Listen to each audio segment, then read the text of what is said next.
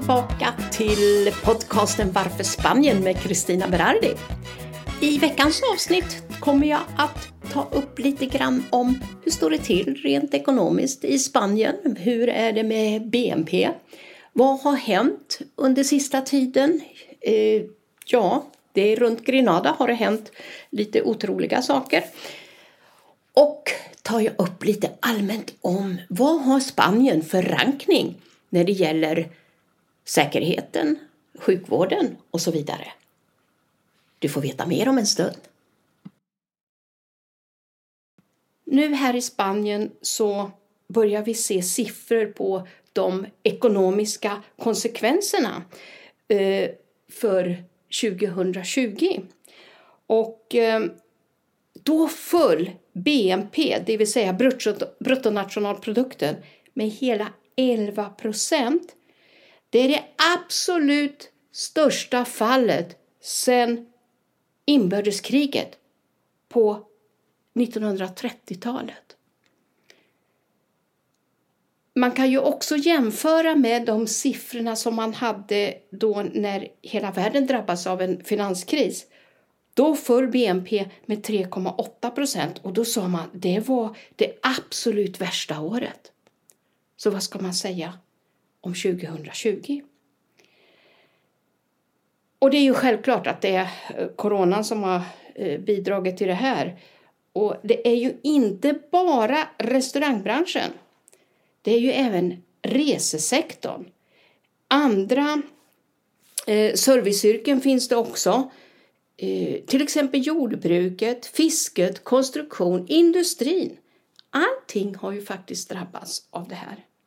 Men eh, regeringen, de eh, är positiva för detta år och eh, hoppas på att få en tillväxt på 6-7 procent. Men självklart är ju det beroende av utvecklingen av den här coronaviruset. Jag tänker då främst på det som eh, regeringen också har sagt att eh, till sommaren ska 70 procent av befolkningen vara vaccinerade. Nu när vi sitter här så, jag tog upp det förra gången så tvivlar jag på det. Pfizer kan ju inte leverera i de mängderna som de hade lovat. Det är väl hälften av de doserna som man får nu varje vecka. Eh, AstraZeneca har ju nu gått ut och sagt vi kan bara leverera 25 procent av det utlovade första kvartalet. Och därefter till slutet av året 40 procent.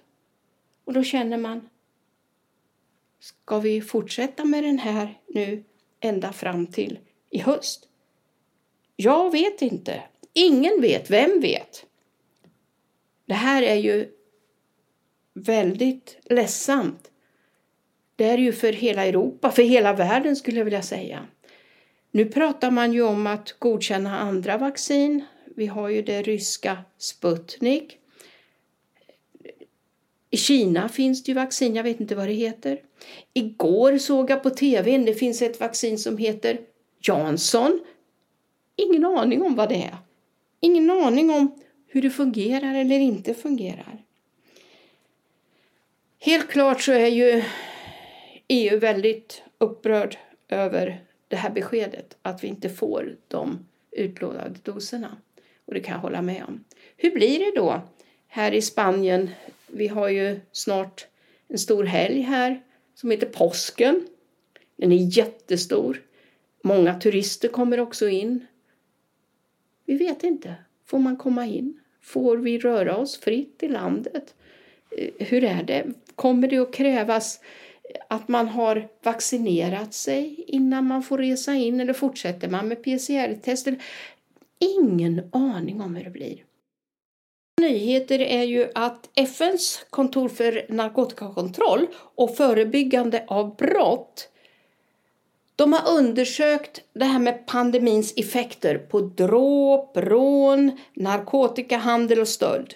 Och då säger de den här kortsiktiga effekten det har varit att mer än en 50-procentig minskning av kriminaliteten i nästan alla länder. Men eh, den långsiktiga effekten av den här ekolo eh, globala ekonomiska krisen den ger generellt en ökad kriminalitet. Och det är ju alltid så här i tider när man har en ekonomisk avmattning. Arbetslösheten ökar. Det är en väldigt svår grupp för vissa grupper, speciellt för de här sårbara grupperna i befolkningen. Och de har ju redan begränsade möjligheter för att få en ekonomisk stabilitet. Och då känns det en större press hos dem och det brukar leda till en ökad kriminalitet. Det finns även en uppenbar risk för eh, plundring och upplopp om man inte har mat. Jag har tagit upp det innan. Och därför så är det väldigt stora diskussioner inom olika länder, även här i Spanien, om att man är missnöjd med myndigheternas agerande för att hantera den här krisen. Och det kan man ju förstå. Det är många företag som har lagt ner sina verksamheter. Och människor som jag jobbar där, de har ju inga jobb nu.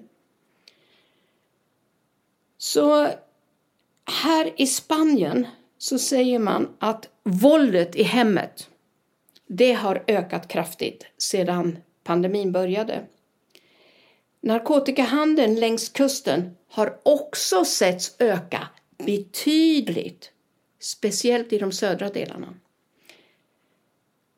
Det finns eh, annan brottslighet och det är eh, bland annat internetbedrägerier, identitetsstöld, Sen finns det naturligtvis som vanligt väskryckningar, ficktjuvar och så här. Så därför uppmanar man alla folk att vara försiktiga, speciellt när man går till en bankomat och ska ta ut kort, när man hanterar sina betal och kreditkort.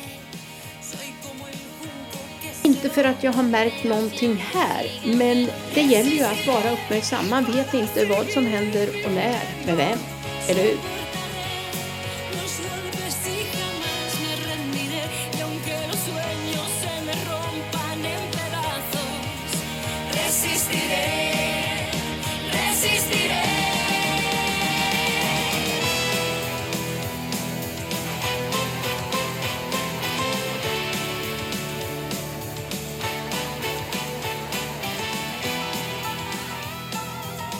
Den här låten har jag ju spelat innan. Den heter ju Resistere. Och det betyder ju jag kommer att uthärda det här, jag kommer att klara det här, jag kommer att motstå det. Och det är ju vad som gäller för oss nu. Dock har ju den här ehm, pandemin orsakat många andra saker, till exempel här i Spanien så var turistnäringen förra året den absolut sämsta sedan 1969. Det är många frågetecken, men låt oss inte hänga upp oss på detta.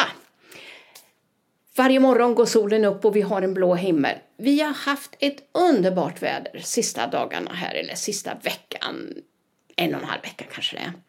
Solen har skinit, det har varit 22, 23, 25, 27, jag tror också 28 grader varmt. Och idag tyckte man att det var lite kallare, jag tror termometern står på 20, 22. Och då säger man, nej men idag är det kallt, då måste man ha långbyxor på sig.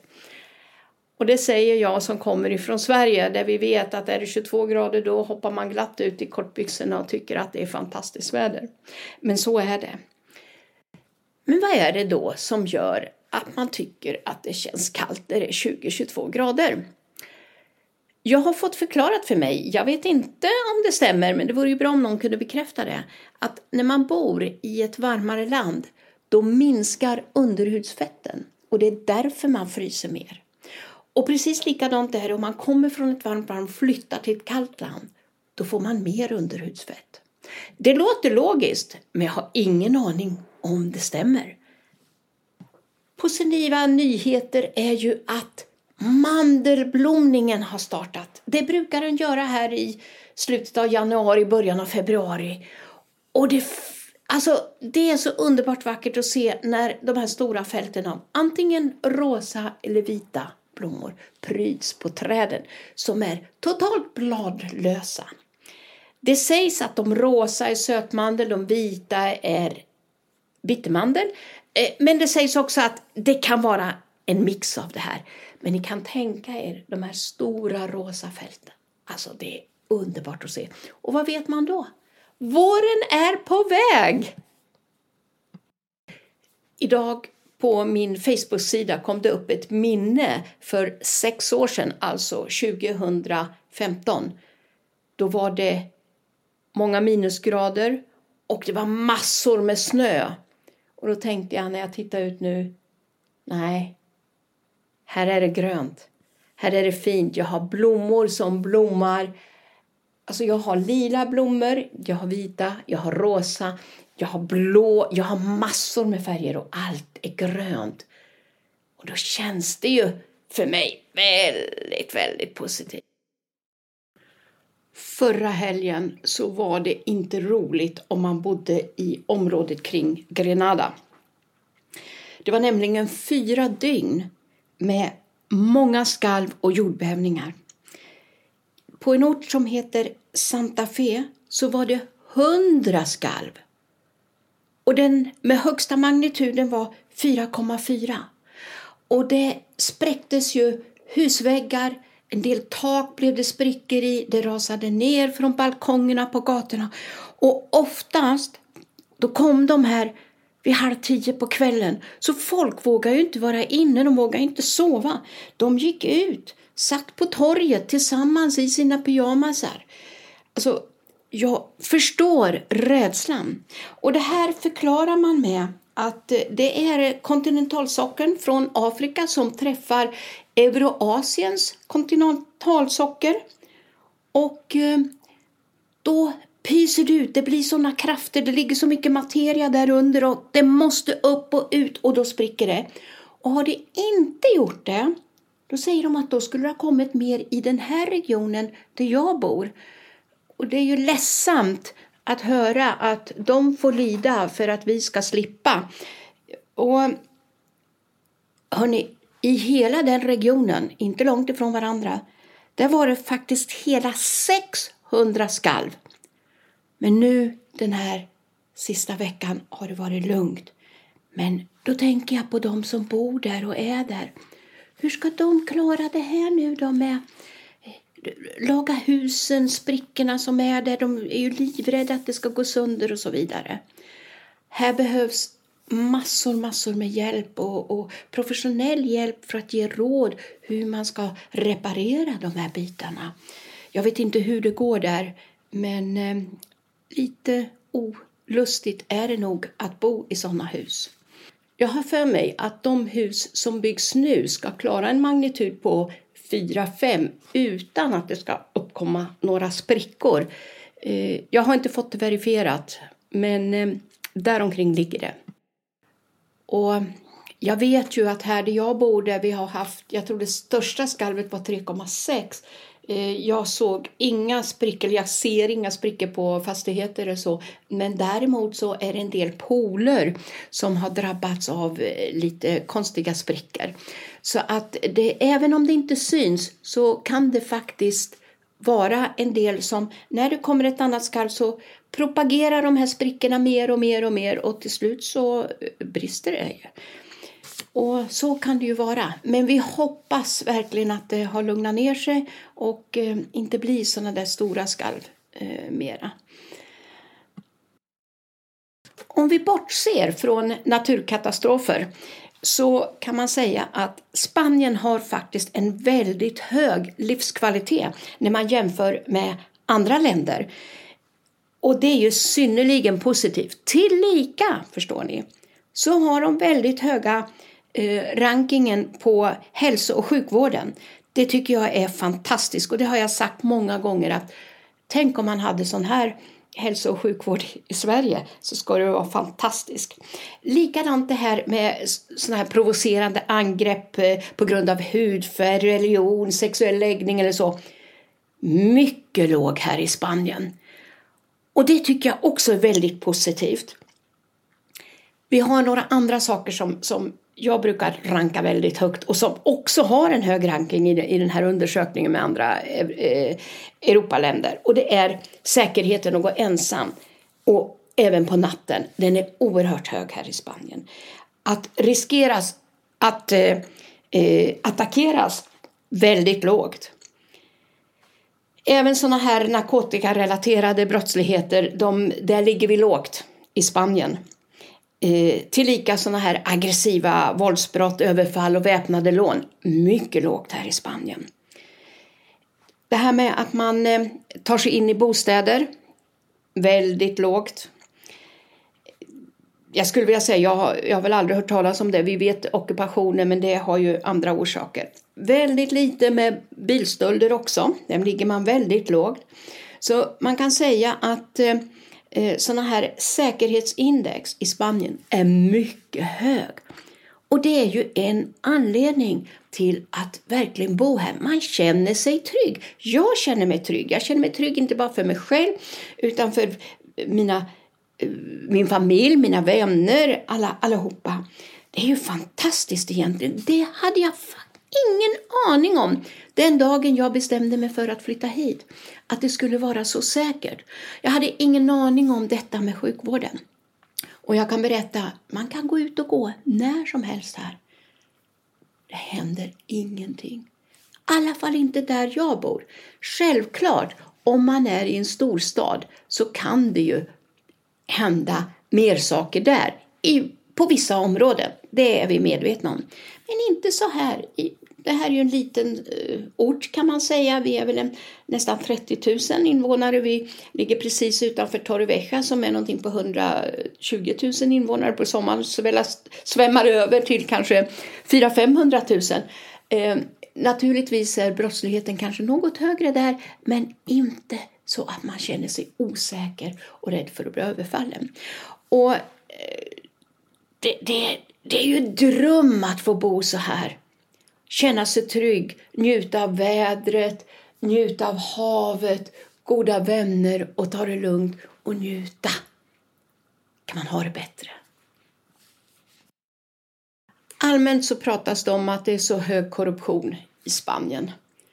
Men även där är inte Spanien rankad som det högsta. Den ligger kanske lite högre än några länder, men absolut inte högsta. Så jag hoppas man tar bort det här. Och jag ser ju på tv hur man sätter åt alla de här höga politiker och företagare när det är någonting som har hänt inom de här områdena. De har väldigt tydliga lagar och klara riktlinjer vad man får och inte får göra. Och det här styrs upp så hårt så jag tror inom en snar framtid så kommer vi inte att ta sådana ord i vår mun längre när det gäller Spanien.